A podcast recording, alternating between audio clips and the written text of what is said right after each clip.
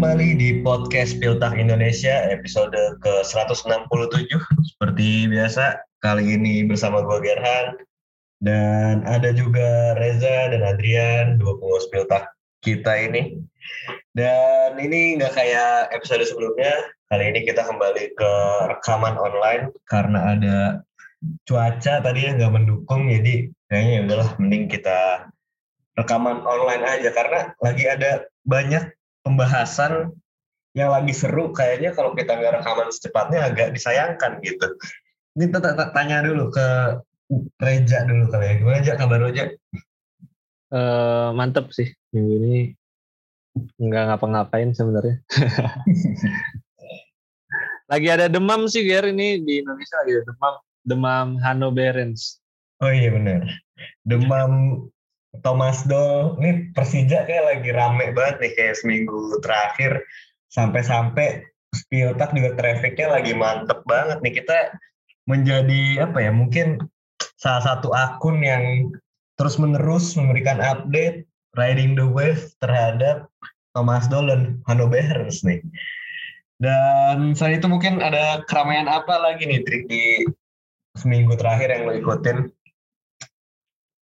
Oh, yang gue sebenarnya gue lagi gak begitu ngikutin sih, cuman yang kemarin sih Thomas Doe bilang lapangannya kayak lapangan buat ternak sapi itu, waduh itu cukup uh, statement yang bold sekali ya dari Thomas Doe yang kayaknya belum kenal kultur Indonesia gitu, gitu kan, yang harus uh, apa ya nyindir nyindirnya halus, nggak nggak sebut nama. Ini kan jebret jebret terus nih dia berapa minggu nih mengkritisi sepak hmm. bola Indonesia. Tapi bagus ya menurut gue ini kultur yang memang bagus bagus menurut gue. Uh, mungkin nggak nggak nggak nggak familiar gitu di sepak bola Indonesia yang mana biasanya kalau kita ngelihat press con di Indonesia ya udah gitu-gitu aja ya dari dulu kayak cuman A B udah gitu. Gak menarik ya? Gak menarik. Kayak kayak ya? fantasi eh fantasi football manager gitu udah ketebak jawabannya gini ya kan tapi kalau dari luar uh, sepak bola kemarin ada yang ramai tuh ini. Ada kasus Holy Wings ya. Kasihan banget uh, enam enam pekerjaannya nggak kasihan sih. Menurut gue yang kasihan tuh yang ditahannya tuh yang sebenarnya cuma ngikutin arahan dari atasan doang ya. Yang Holy Wings itu yang kemarin ada ribut-ribut soal minuman gratis buat yang namanya Muhammad sama Maria paling gitu kan ini kan nggak boleh ada lagi di Jakarta kan. Paling ya ganti nama doang gitu paling iya. apa? Holy Raumdeuter apa Holy Striker. Holy Fullback ya. Karena udah nggak boleh wingsnya nih. Terus aduh jadi lupa pengen ngomongin apa. Dan ya udah paling kalau dari yang itu yang bukan sepak bola itu terus kalau dari bursa transfer uh, tadi sih paling kalau dari dalam negeri tumen-tumenan Spiltak nimbrungin soal transfer dalam negeri. Kalau dari luar negeri nanti bakal kita bahas di recent update ya tentunya. Jadi kita bakal ngomongin apa aja nih jadi episode kali ini selain tadi di segmen satu kita bakal ngebahas recent update ya soal transfer transferan nanti di segmen kedua juga kita bakal salah satu hal yang cukup mengejutkan yaitu pensiunnya Martin Hinteregger ini back tengahnya Eintracht yang baru membawa juara Europa League tapi akhirnya memutuskan pensiun secara mendadak dan ini ada unsur-unsur politis jadi nanti bakal kita bahas dan beberapa kasus lain yang terkait dengan sayap kanan ya Dri. Ini sebenarnya agak ini ya bener agak meng, menghebohkan juga di Jerman walaupun ya sebenarnya masih sebatas spekulasi aja gitu apakah benar nih Hinteregger nih ada kaitannya dengan gerakan politik nanti bakal kita bahas di lanjut di segmen kedua. Tapi sebelum itu, seperti yang udah kita singgung tadi, mungkin nih bahasan yang paling ditunggu-tunggu dari mungkin ada fans Persija yang nimbrung di sini ya kan. Kita bakal membahas dari tentu saja Hanno Behrens yang dalam berarti kira-kira dalam lima atau enam hari terakhir yang pertama kali jadi Spiltak ini ini sebenarnya info-info underground ya. Gue mendapatkan dari salah satu sumber yang bilang bahwa uh, ada dua pemain Bundesliga yang diincar oleh Persija. Eh pemain dua Bundesliga dua gitu kan berarti. Karena Hanno Behrens dan satu lagi Brandon Borello. Dan ternyata benar begitu gue cek ada indikasinya nih ternyata di Instagramnya si presidennya kalau salah atau wakil presidennya tuh si Ganesha Putra itu udah ngefollow Behrens sama Borello jadi ya udah gue tweet. Dan ternyata setelah itu kita untungnya mendapatkan konfirmasi langsung dari Build juga ya. Bukan kita mendapatkan langsung sih waktu kalau berita transfer kayak gini kan di Indonesia jarang ya ada rumor-rumor. Begitu ada menyangkut pemain Eropa ternyata diramaikan juga oleh Bill dan kabarnya si Persija ini siap menembus Hanno Behrens yang kontraknya setahun lagi sampai 2023 sekitar 200 ribu euro. Dan kontraknya itu tiga tahun. Tapi sampai saat ini masih belum ada kejelasan lagi, walaupun sebelumnya Bill udah ngabarin kalau katanya si Behrens ini nggak mau ikut latihan dan udah perpisahan gitu sebelum training camp. Tapi sampai saat ini justru ikut training camp dan masih masih ngawang-ngawang aja gitu belum ada kelanjutan lagi. Kalau lu sendiri lihatnya apakah ini akan terrealisasi ya akhirnya? Kalau menurut gue sih peluangnya masih cukup besar ya karena kan kalau dari update terakhir tuh cuma bilang nggak ada kontak jadi bukan berarti kan eh, Persija udah menyatakan menyerah untuk dapetin Behrens. Menurut gue sih masih bakal dikejar gitu karena menurut gue Hanno Behrens nih pemain yang benar-benar dibutuhkan sama Thomas Doll gitu. Doll kan udah tahu nih Behrens mainnya kayak gimana di Bundesliga gitu kan, mantan kapten Nürnberg terus emang di musim lalu di Hansa Rostock juga masih jadi pemain utama karena kan kabar dari fans-fans Hansa di Jerman juga ketika ada kabar ini nih fans-fans nih sebenarnya menyayangkan di sana. Jadi ini kan sebuah momen yang unik gitu di mana tim Indonesia ngerekrut pemain yang masih diandelin sama tim Eropa dan dengan skema transfer yang menurut gue profesional gitu ya. Jadi emang ini uh, gue rasa menjadi sebuah hal yang baik juga sebenarnya buat sepak bola Indonesia. Dan secara karakter permainan Hanno Behrens nih skill setnya memang benar-benar dibutuhin sama ya Persija lah karena kalau kita lihat dari preseason udah mulai tampak apa yang dipengen sama Thomas Doll di mana mereka main dengan tiga center back. Nah, paling kan depannya antara 5-3-2, 5-4-1. Nah, tapi satu yang pasti mereka butuh sosok di tengah yang benar-benar vital karena kan akhirnya dengan tiga center back mengorbankan satu gelandang ya. Jadi tengahnya ini mungkin cuma 2 sampai 3 gelandang jadi butuh pemain yang daya jelajahnya tinggi, punya passing range yang bagus, dan kelebihan dari Barons ini kan punya leadership. Ini yang juga paling mahal sih leadershipnya dia, pengalamannya dia dan emang kalau kita bahas satu ya kuncinya di lini tengah sih kalau kalau sekarang kan empat back Liga 1 juga semuanya pemain tengah kan dari Paulo Sergio, si Marukawa, terus Rohit Chan bahkan jadi emang uh, ini menurut gue bakal jadi transfer paling penting kalau misalnya Thomas Doll bisa ngedatengin Hanno Behrens. Iya, gue setuju sih dengan uh, pernyataan lu dan ini kayaknya Thomas Doll emang dengan sengaja mungkin bukan dengan sengaja mungkin requestannya juga karena kan Hanno Behrens ini kan pemain Bundesliga pas masih si Thomas Doll ngelatih Hannover tuh masih di Nürnberg. Uh, tapi Thomas Doll waktu itu ngelatih Hannover. Terus juga si Thomas Doll ternyata juga pernah main di Hansa Rostock ya. Gue juga baru tahu ternyata.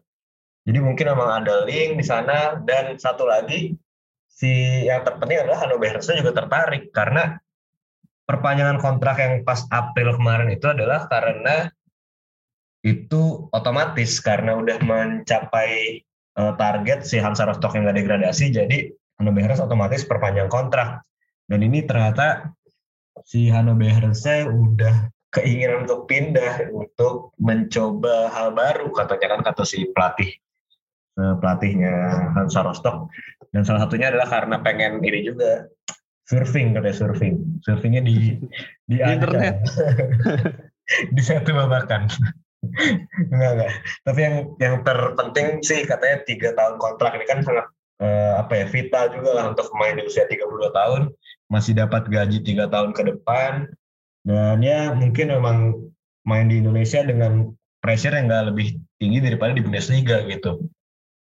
Terus juga dari secara posisi gue juga setuju kalau memang ini dibutuhkan banget Persija setelah Konate lepas, Rohichan lepas, saat ini nggak ada leader di tengah. Kalau gue justru ngeliatnya lebih mirip kayak mungkin bisa memberikan efek kayak William Pluim kali ya di PSM yang di mana bisa mengontrol di tengah, bisa jadi playmaking, bisa jadi golin, dan secara tipe juga kayak bukan pemain-pemain yang cepat juga di si Hano sih. Terus kalau lu sendiri gimana Dri? Kira-kira impact apa yang bakal dibawa nih dari Hano Behrens ke Persija nih? Baik secara uh, sepak bola atau di luar hmm. sepak bola gitu? Uh, kalau di luar sepak bolanya sih jelas uh, ternyata klub di Indonesia bisa menyajikan apa ya project yang bagus untuk pemain uh, dari Eropa Ger dan Hanno Behrens ini kan hanya dua atau tiga musim yang lalu masih bermain di Bundesliga gitu jadi sebenarnya masih uh, di usia yang ya walaupun sudah 31 ya atau 32 sekarang uh, tetap bisa menjanjikan gitu. Dan gue rasa di Persija sendiri peran Thomas Doll sangat sangat besar juga ya. Karena Hanno Behrens biasa di Jerman seumur hidupnya bisa pindah ke Asia Tenggara pasti uh, banyak apa ya langkah-langkah persuasif yang harus dilakukan gitu. Sehingga penunjukan Thomas Doll ini sepertinya sejalan dengan uh, apa yang diinginkan Behrens gitu dan kalau dari dari di lapangannya sendiri ya Behrens ini paket komplit di lini tengah biar dia bisa jadi DM dia bisa jadi pemain tengah eh, CM gitu dan attacking midfield karena di Hansa Rostock di musim lalu dia 15 kali main di CM, attacking midfielder 7 kali dan di DM-nya 3 kali. Dan yang perlu dicatat juga uh, jadi salah satu pemain paling subur di lini tengah gitu di Bundesliga 2 musim lalu dengan catatan 5 gol dan 4 assist. Sehingga ketika kita ngomongin kehilangan makan Konate sama Rohichan, gue rasa Hanno Behrens kalau jadi ini benar-benar sebuah upgrade dari mereka berdua bahkan sih kalau menurut gue karena skill setnya komplit dan nilai plusnya juga punya leadership yang juga bagus gitu yang sangat dibutuhkan Persija. Iya iya. iya. Dan ya kita tinggal menanti aja nih Hanno Behrens kabar sih sekarang masih mengikuti training camp dulu. Kalau nggak salah training campnya mungkin seminggu di Austria dan Persija terakhir juga dalam 48 jam terakhir belum ada kontak lagi dengan Hansa Rostock. Tapi kalau gue nggak tahu sih dari keadaan saat ini Hannover harusnya kepengen dan mungkin masih ada negosiasi sedikit lah di. Kalau kata gue sih ini Ger, uh, nilai transfer ya karena iya. 200 ribu euro sebenarnya itu uh, masih di bawah market value-nya si Behrens kan sebenarnya di kalau kita cek di transfer market. Jadi kalau menurut gue sih si Hansa nih pengen mencoba nego biar dapat lebih banyak keuntungan mungkin ya. Iya benar-benar dan ya sebenarnya tinggal setahun lagi dua ribu untuk main dua Bundesliga sih kayak nggak terlalu nggak terlalu merendahkan juga gitu loh untuk ngebit segitu ya kan. Ya paling tinggal masalah harga transfer lagi. Dan satu lagi sebenarnya si Persija juga mengincar Brandon Borello nih, cuman belum ada perkembangan lebih banyak lagi kalau soal Brandon Borello, pemain mantan Freiburg juga, musim lalu juga di Dinamo Dresden, menurut gue nih bakal mantep juga sih, walaupun banyak fans Persija yang justru nggak kepengen Brandon Borello karena staffnya jelek gitu musim lalu. Tapi ya mungkin sejelek-jeleknya Bundesliga 2 masih bisa berkompetisi lah di Liga 1 gitu kan.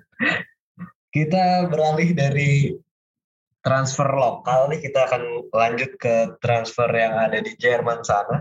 Tapi terjadinya bukan di Jerman kali ini karena kepindahan dari striker utama Union Berlin musim lalu, Taiwo Awoni yang hanya semusim berarti ya di Union Berlin semusim secara permanen dia pindah ke Nottingham Forest dan menjadi rekor untuk kedua klub di Union jadi rekor penjualan, di Nottingham Forest jadi rekor pembelian. Harganya 17 juta pounds apa euro ya, belum tahu. Kayak sekitar segitu. Tapi ini sebenarnya menjadi apa ya gue sebagai fans Bundesliga sih menyayangkan melihat Awoni yang gacor banget uh, harus pindah ke Liga Inggris lagi-lagi. Walaupun ya secara uang ini good money banget untuk Union Berlin. 17 juta untuk tim seekonomis Union Berlin ini adalah sangat-sangat uh, berharga banget gitu ya. Untuk mengembangkan di sektor lain ataupun cari penggantinya. Kalau menurut lu sendiri gimana aja lu ngeliatnya Awoni pindah ke Nottingham Forest klub yang baru promosi dan bisa dibilang belum stabil lah mungkin di Premier League. Apakah ini pilihan yang tepat bagi Oni?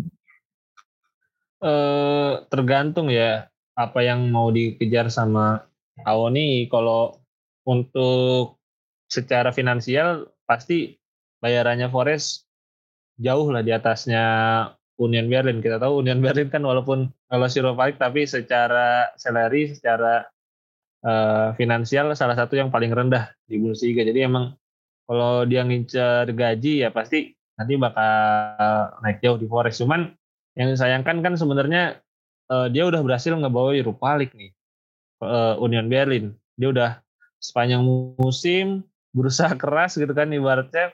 Tapi ketika Union udah main di Europa League dia nggak ikut main. Itu sebenarnya yang disayangkan dan menurut gua uh, mungkin bisa aja lah bertahan di Union satu musim lagi dan akhirnya mendapatkan tim yang mungkin lebih baik gitu di Inggris atau misalnya di liga-liga lain. Cuman ya ini kan udah terjadi dan memang menurut gua Awoni juga nanti di Forest bakal langsung jadi pemain utama karena kalau kita lihat Steve Cooper ini dia pakai formasi dua striker dan kalau dibandingkan sama strikernya musim lalu kan itu Brennan Johnson sama Kenan Davis ya. Ini kan berarti Awoni menggantikan posisinya si Kenan Davis yang cuma pinjaman dari Aston Villa. Jadi ya upgrade juga buat Forest ya. Mungkin nanti kan tinggal kita lihat nih Union apakah bisa mencari penggantinya Awoni atau enggak karena kalau kita lihat dari skuadnya sekarang itu kan benar-benar full pemain tua ya bisa dibilang Vogel Summer, Kevin Behrens lagi lagi Behrens terus ada Sven Michel mungkin yang agak beda itu kan si Seraldo Becker. Nah nanti kita lihat apakah Union bakal datangin striker lagi apa enggak buat media Roka. Iya benar. Ya kalau gue pribadi sih ngeliatnya mungkin Awoni tidak akan butuh waktu adaptasi yang cukup lama karena kan pernah di Inggris walaupun gak main di Liga Inggris ya. Itu secara bahasa udah bisa gitu kan. Kalau lu sendiri ngeliatnya gimana apakah Awoni bakal langsung nyetel nih di klub atau bahkan di liganya Uh, kalau gue sih ngeliatnya bakal langsung nyetel ya karena tipe bermainnya Forest juga pakai 5 back dengan dua striker di mana itu juga formasi yang diterapkan Urs Fischer selama Awoni di Union.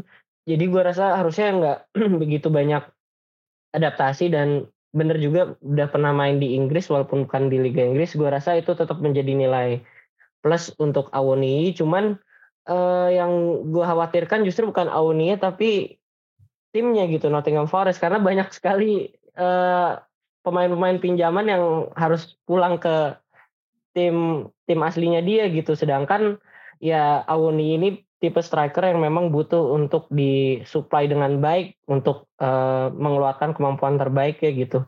Nama-nama kayak Jet Spence tadi juga uh, harus balik lagi ya bakalan banyak yang harus dibeli. Jadi apakah Forest bisa setidaknya membuat balance gitu antara budget transfer yang didapat sama uh, sama pemain, kualitas pemain yang didapatkan itu juga yang harus diperhatiin karena menurut gue itu juga yang e, berkontribusi banyak terhadap performanya Awoni gitu biar.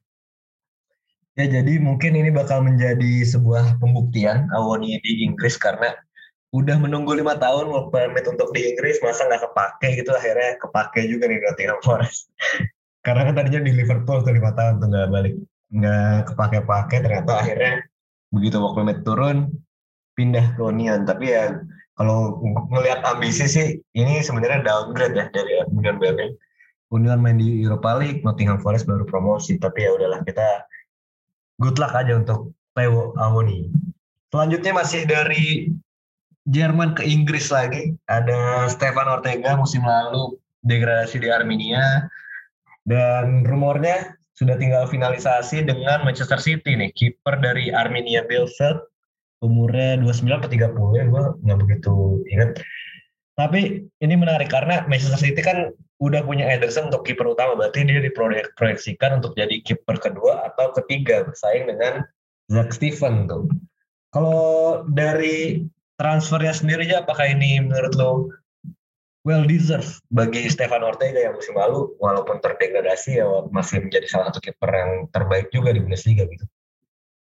Ya well deserved sih emang dua musim terakhir kita benar-benar dimanjakan ya melihat aksi-aksinya Stefan Ortega di Bundesliga. Dan kalau beneran ke Manchester City emang bakal jadi kiper kedua, bakal jadi cup goalkeeper ya. Kayak si Kelleher di Liverpool karena Jack Steven kemarin kan blunder tuh parah di final. Jadi ya hmm. itu risiko kiper ya kayak Karius juga. Jadi ya, pasti bakal jadi kiper kedua nanti di uh, City. Dan Ederson kan juga beberapa kali absen jadi sebenarnya uh, nggak buruk juga pindah ke City pasti bakal dapat jam bermain. Dan emang kenapa dia memilih City? Karena tidak ada klub Bundesliga yang mampu memenuhi sebenarnya gaji yang dia inginkan gitu. Di usianya yang sekarang ini Ortega kesempatan terakhir buat dapetin maksimum wage gitu. Jadi kayak di NBA lah itu ya. Jadi ketika umurnya udah segini nih ini ini saat terakhir nih buat dapat gaji maksimum. Dan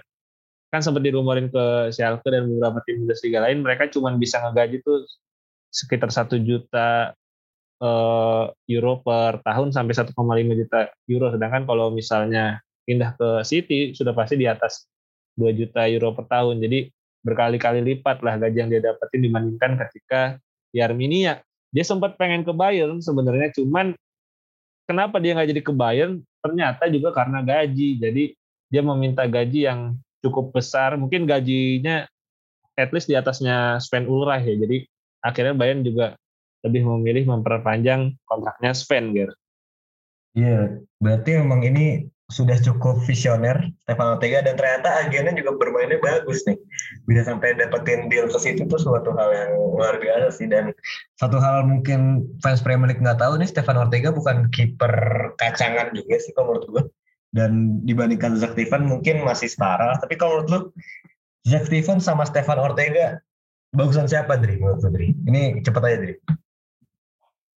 Uh, Zack, uh, Zack Steven sih yang bikin jelek itu ya uh, inkonsistensinya gitu. Karena ketika lawan Liverpool itu kan harapan City untuk bisa meraih gelar hilang gara-gara blunder gitu. Nah, gue ngelihatnya Pep uh, pengen kiper yang sudah senior yang punya jam terbang tinggi dan ya Stefan Ortega sangat cocok untuk profil tersebut gitu karena udah beberapa musim di Arminia kan juga memang performanya bagus.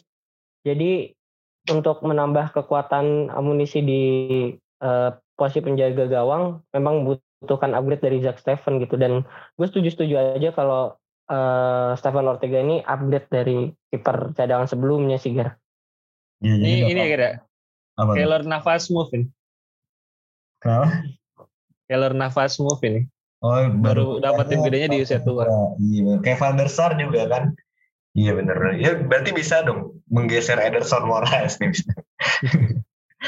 Dan ini sebenarnya fun fact juga si Ortega tuh sebenarnya pengennya pindah ke Real Madrid. Cuman yang dapat City juga masih satu satu kasta lah ya. Dan setelah ini kita bakal ngomongin soal rumor, bukan rumor lagi sih, cerita, spekulasi tentang Hinteregger yang sudah pensiun. Jadi bakal kita bahas lebih lanjut di segmen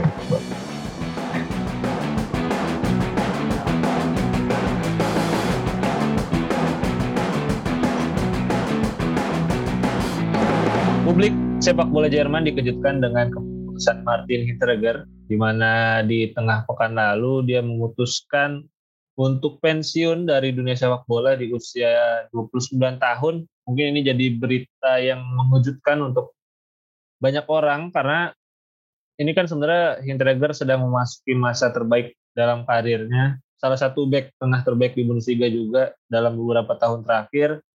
Dan kabar ini sebenarnya agak under the radar lah. Jadi ketika banyak berita tentang Nations League, kemudian bursa transfer dan lain-lain. Tiba-tiba ada berita ini yang muncul dan ternyata setelah diulik ada cerita yang cukup panjang di balik ini semua dan di balik alasan Interger memutuskan untuk pensiun. Mungkin bisa lu jelaskan dulu biar lebih jauh tentang background keputusan Hinteregger untuk pensiun dari sepak bola nih.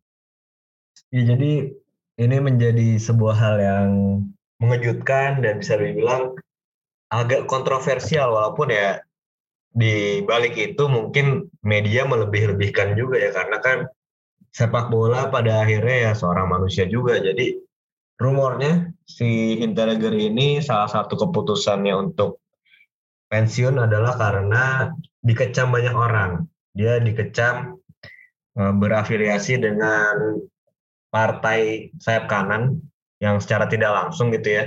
Karena pada dua mingguan yang lalu si Hinteregger itu mengadakan namanya Hinti Cup, turnamen kecil-kecilan lah antar SSB mungkin ya di kampungnya di Austria namanya Sirnitz. Dan itu ternyata dia berkolaborasi dengan orang bernama aduh gue lupa awalnya siapa pokoknya oh Heinrich. Heinrich Sikel dan ternyata ini setelah diusut Henry Sikel ini adalah orang yang terkenal punya afiliasi dengan partai sayap kanan gitu. Dia salah satu petinggi di partai Austria namanya FPO Freedom Partai Österreich. Österreich itu Austria kalau bahasa Jermannya. Dan ternyata juga dulunya background dari si Sikel ini adalah dia mantan salah satu aktivis juga di organisasi neo-Nazi di Austria gitu. Jadi emang setelah orang-orang tahu akan hal ini, banyak yang mengecam kalau Hinteregger ini adalah uh, sayap kanan juga alirannya. Padahal kan uh, itu cuma spekulasi gitu kan. Dan si memang ultras-ultras dari sepak bola Jerman kan rata-rata berpandangan politiknya sayap kiri ya. Uh, jadi mungkin bisa dicek dulu tuh apa itu sayap kiri, apa itu sayap kanan, political kompas itu.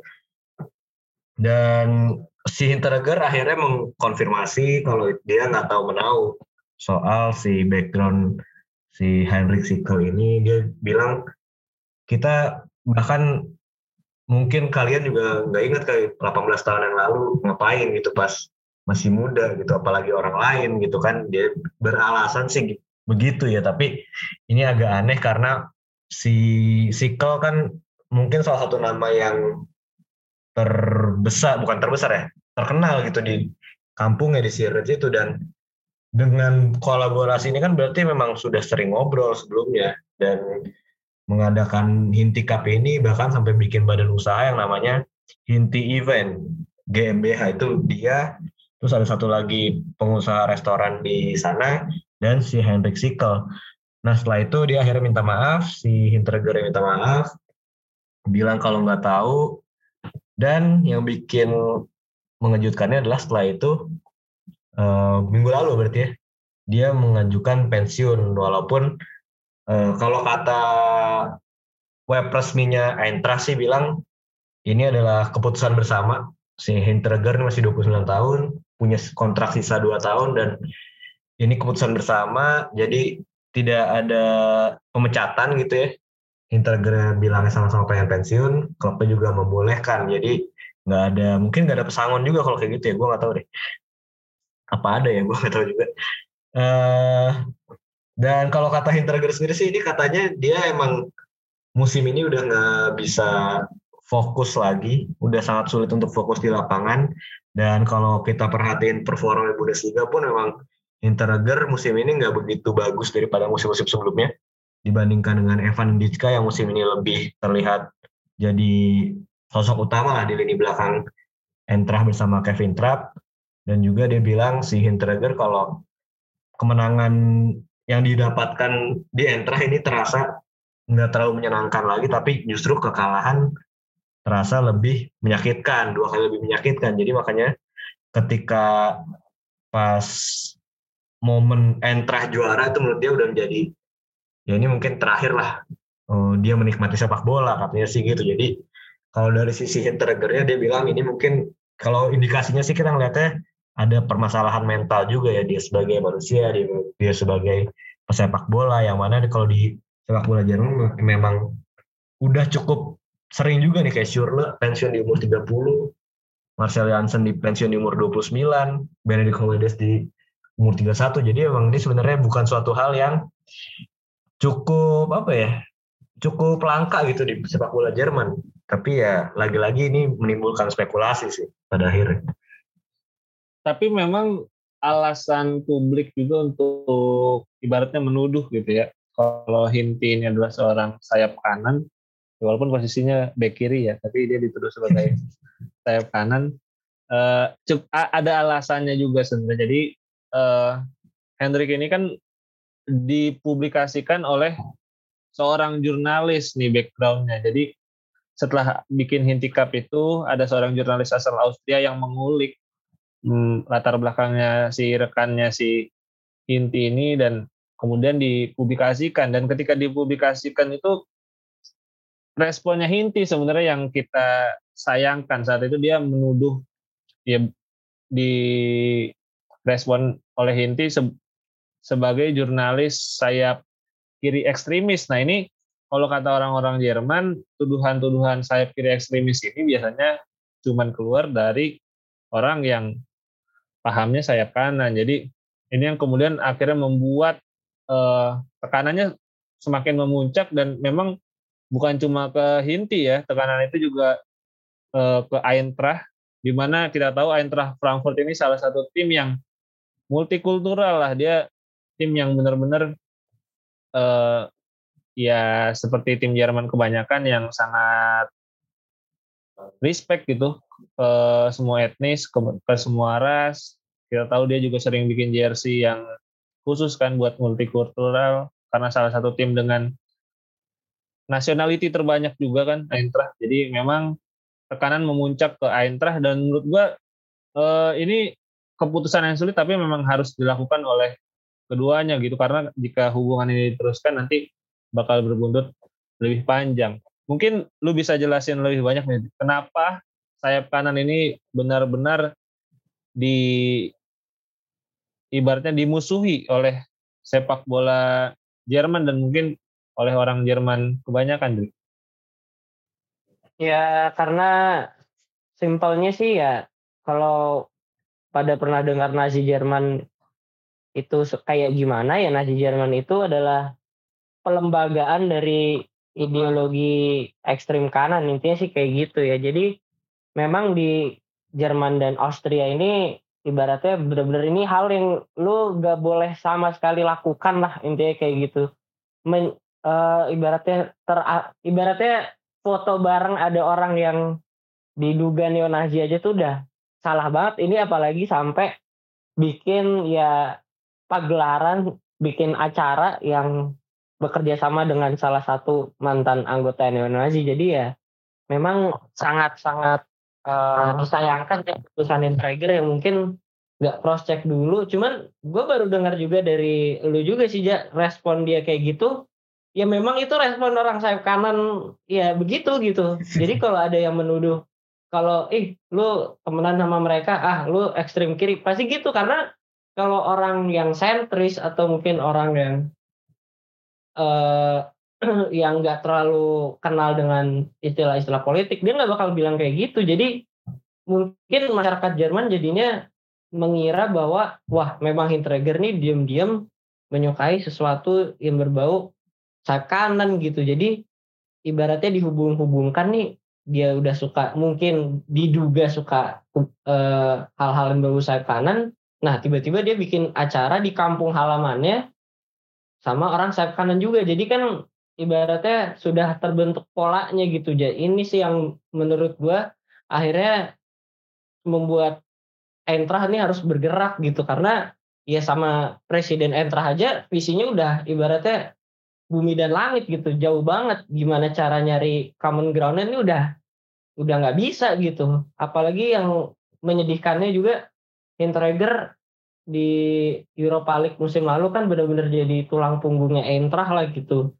Jadi kemenangan Europa League itu akhirnya harus ter apa ya ibaratnya tertutupi oleh skandal-skandal seperti ini gitu yang yang harusnya bisa dipahami oleh masyarakat Jerman ataupun Austria bahwa hal ini memang hal yang sangat dilarang dan sangat tidak bisa ditoleransi lah intinya seperti itu gitu. Jadi keputusan ini pasti akan selalu menimbulkan pertanyaan cuman eh, publik pada umumnya sudah tahu lah eh, apa yang menyebabkan Hinteregger mengambil keputusan ini gitu sih.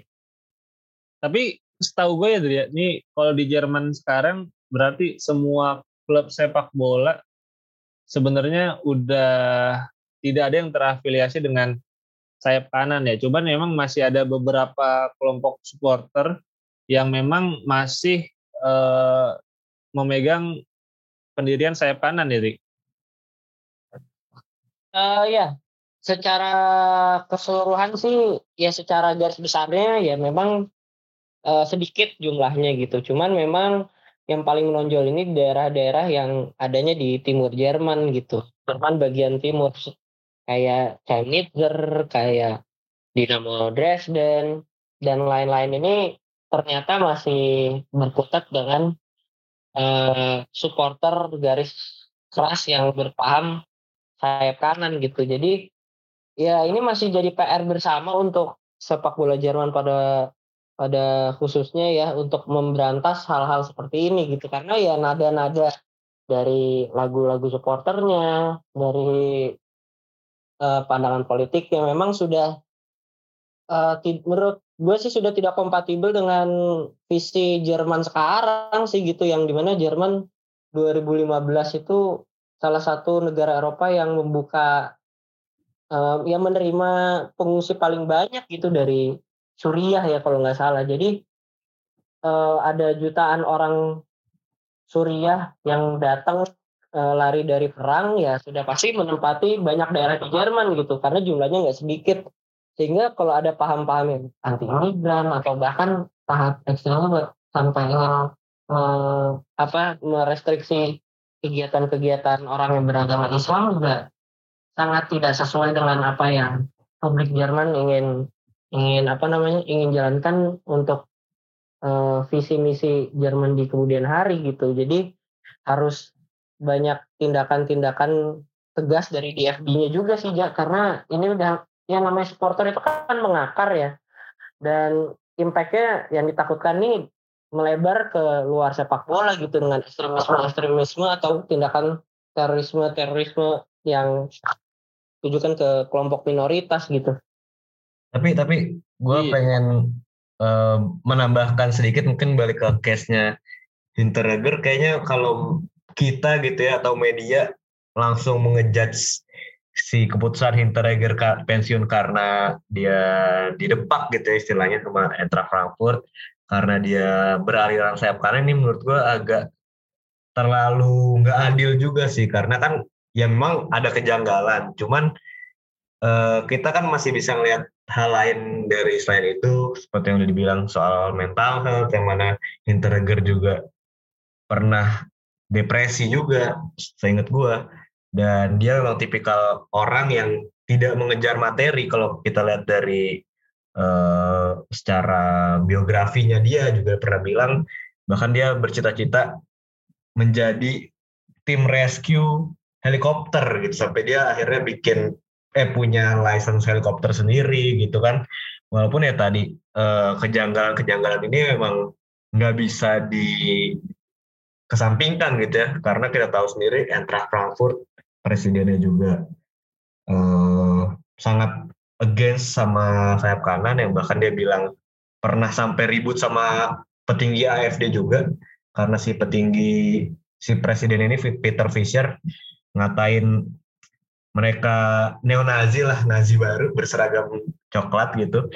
Dan eh, kontrak dua tahun sih menurut gue paling janggal itu dua tahun itu kan pasti ada mungkin kemungkinan besar pasti kan bayar pesangon ya. Dan untuk eh, membayarkan uang yang sebesar itu dan memecat Hinteregger pemain yang salah satu salah satu terbaiknya juga menurut gue agak kejanggalan di situ sih tapi menurut gue ya kita nggak boleh langsung mengejat kalau Hinterger kayak gitu gitu iya emang kalau Hinti sih uh, sebenarnya banyak ketidakberuntungan juga ya. Cuman emang isu sayap kanan sayap kiri ini mungkin kalau kita compare dengan situasi di Indonesia ya kayak situasi yang sering terjadi lah. Ada isu-isu toleransi yang kayaknya disenggol sedikit gitu mau itu dalam kondisi sadar atau tidak sadar kemudian bisa digoreng uh, sedemikian rupa membuat banyak orang akhirnya kayak Holy um, Wings ya? press, pressure ya itu itu mah contoh-contoh yang udah maksudnya yang udah benar-benar nyata gitu ya maksudnya kan ada banyak gitu contoh-contoh yang lebih minor gitu yang kayak cuma melakukan satu dua hal yang mungkin nggak berpengaruh kepada orang banyak tapi kemudian efeknya bisa sampai si Indonesia yang memberi pressure. Kalau di Jerman kan kasusnya juga kayak gitu. Jadi kayak eh, mungkin kasusnya Greuskreutz ya dari kalau nggak salah dari yang itu juga katanya ketidaktahuan dia foto atau eh, iya, pernah bareng sama ultras yang katanya neonazi ya di Dortmund dan itu kan juga berangkat dari ketidaktahuan tapi akhirnya pressernya uh, sangat tinggi dan memang batasannya juga uh, masih samar gitu ya kan. Kayak pemainnya Chemnitzer itu si Daniel Fran awalnya kan dia bilang gitu uh, dia bawa t-shirt uh, support your hulls atau apa gitu yang itu merupakan slogannya kelompok neonazi ultras Chemnitzer katanya tidak tahu. Tapi beberapa saat setelahnya dia malah beneran nonton di tribun bareng sama ultras neonazi dan akhirnya dipecat sama Chemnitzer yang memang identik dengan sayap kanan tapi pada akhirnya pihak klub juga tidak ingin dipandang sebagai klub sayap kanan dan dia eh, benar-benar eh, tidak mendukung support dari ultras-ultras yang sayap kanan tersebut. Cuman gue juga setuju sama lu tadi, Dri. Emang ini harus ada rules lah yang jelas gitu. Apakah emang paham ini benar-benar tidak boleh masuk ke dalam stadion atau memang eh, masih diwajarkan gitu? Karena sebenarnya kan pas tahun 2021 juga tenis Borussia Berlin sempat bikin sebuah laga amal gitu di mana advertnya itu tentang victims dari kejadian yang Hanau ya terorisme yang di Hanau yang memang dilakukan oleh sayap kanan. Tapi kemudian NOFV ini Football Association-nya Northeastern-nya Jerman justru menjatuhkan sebuah hukuman kepada tenis Berlin. Dan alasannya menurut gue cukup aneh sih katanya uh, salah satu kelompok grup tertentu akan terprovokasi dan mungkin itu adalah sayap kanan. Jadi dia seperti menjaga hati eh, orang-orang yang sayap kanan juga. Jadi kan ini sebenarnya memang belum ada rules yang jelas ya kalau di sepak bola gitu ya. Iya, jadi ya memang intinya sih sepak bola itu kan gak akan pernah bisa lepas dari politik gitu ya. Tapi dari FIFA maupun UEFA nih juga bilang gak boleh politik tapi ya tetap aja sering kecebolan gitu. Makanya uh, jadinya di apa tingkat regional juga bingung gitu loh ja. Apalagi di tingkat regional kan juga punya terinfluence sendiri sama dinamika politik di daerah tersebut gitu. Jadinya memang menimbulkan kebingungan gitu. Kayak maju kena mundur kena gitu loh. Jadi memang uh, para pengurus federasi sepak bola Jerman, pemerintah uh, di sana juga masih masih berusaha untuk bikin batasan-batasan mana aja yang boleh dan tidak boleh untuk dilakukan gitu. Tapi pada intinya sih memang di Jerman ini kalau sudah menyangkut yang namanya neonazi itu udah udah gimana ya mungkin di di Indonesia susah ya nemu paralelnya ya. Intinya ini menyinggung hal yang gak boleh disinggung lah gitu. Itu hal yang ibaratnya sangat haram lah di sana gitu. Jadi ketika kayak Grois Kreutz terus foto sama ya kayak gue bilang tadi kan foto gitu kan namanya juga sebagai pesepak bola yang mana tahu nih datang supporter namanya siapa ideologinya apa kan nggak mungkin tahu kan tapi bener-bener dia sampai kayak ngerasa dia udah ngelakuin kesalahan atas inisiatifnya sendiri gitu backlashnya jadi ya memang eh, di Jerman dan di Austria ini memang hal tersebut masih masih tidak masih sangat apa ya bu- bukan tabu juga sih tapi lebih ke arah Oh, ya ditoleransi. ini haram banget nih iya sama Ya, sekali iba- ibaratnya nggak yang- boleh- yang- nggak nggak bisa ditoleransi gitu loh eh kan paham sayap kanan itu kan bagian dari demokrasi ya. Cuman yang benar-benar ditolak itu kan yang right wing ekstremisnya gitu ya, Dri. Yang benar-benar nah pahamnya itu udah ibaratnya parah lah. Jadi emang ya ini lagi-lagi memang sepak bola tidak bisa dipisahkan dari politik di mana pun itu berada. Cuman kita balik lagi ke kasusnya Hinti. Menurut lu Ger, ini ada peluang nggak sih buat Hinteregger mungkin eh, setahun ke depan, dua tahun ke depan untuk kemudian balik ke sepak bola profesional?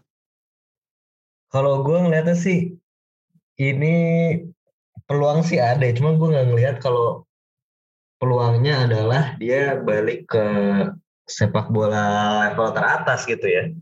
Karena kan lucu juga udah bilang pensiun tiba-tiba balik lagi. Justru orang malah makin aneh ketika hal kayak gitu kan. Eh, udah pensiun, nah ini orang kenapa balik lagi? Kalau kemarin bilangnya pensiun, kenapa nggak bilang karir break aja ya?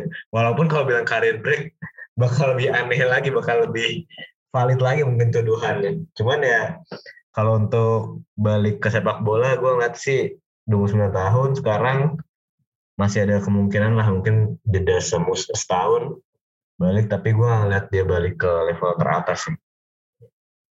Ya intinya sih ini jadi sebuah persiapan yang tidak diinginkan ya untuk Eintracht Frankfurt gitu di Iya. tengah mereka sedang mempersiapkan tim untuk bermain di Liga Champions, main di Piala Super Eropa lawan Real Madrid. Eh, tiba-tiba ditinggal oleh salah satu pemain terbaiknya walaupun masih dalam juga ya dia di posisi back tengah masih ada Tuta, Evan Dicka, Mami Toure, Makoto Hasebe, Smolcic, Ongwene jadi ya mungkin bukan posisinya ya yang di yang akan hilang dari dari Eintracht tapi itu dia leadership dan karakternya. Jadi kita lihat aja seberapa jauh nantinya efek dari kepergian Hinteregger kepada Eintracht musim depan. Iya, jadi ya semoga saja terah nggak tahu nih apakah bakal mencari penggantinya atau memang sudah cukup dengan skuad yang sekarang dan kabarnya sih Etra masih bakal mencoba mencari-cari lagi di transfer market kali ini. Kayak masih mau datengin sekitar dua pemain lagi deh. Ya udah kita nantikan saja. Kiprah Eintracht Frankfurt dan juga Hinteregger semusim dua musim ke depan. Mungkin bakal ada terobosan eh, menjelaskan kenapa dia eh, pensiun gitu kan. Biasanya kalau udah pensiun nih ada tuh suka ada yang bikin buku atau mungkin wawancara eksklusif. podcast Ger biasanya kan iya podcast kayak Tony Kroos sama Felix Kroos ya kan? Felix Kroos pensiun langsung bikin podcast tuh. Seriusin podcast. Jadi podcaster. Jadi udah paling gitu aja di episode kali ini. Ada tambahan lagi aja Eh, masih libur ya kayaknya tapi udah mulai pada latihan tuh di gunung-gunung di daerah-daerah pinggir pantai ya kan? Jadi mungkin bakal mulai ada pertandingan juga pekan ini tapi ya mending lebih banyak untuk fokus ke hal lain lah daripada nonton skor-skor 16-0 17-0 fokus mengawal transfer Hanno Behrens bersama. Spieltag Indo di Twitter Sama- di Instagram. sama Brandon Borello ya yang pasti Iya. bukan Sami Khedira. Iya benar. Dan Tom Rogic juga udah tidak katanya ya kata trusted source ya udah kalau gitu gitu aja kali ini ya. Gue Gerhan pamit gue Reza pamit. Dean pamit. Sampai jumpa di episode Spieltag berikutnya. Bye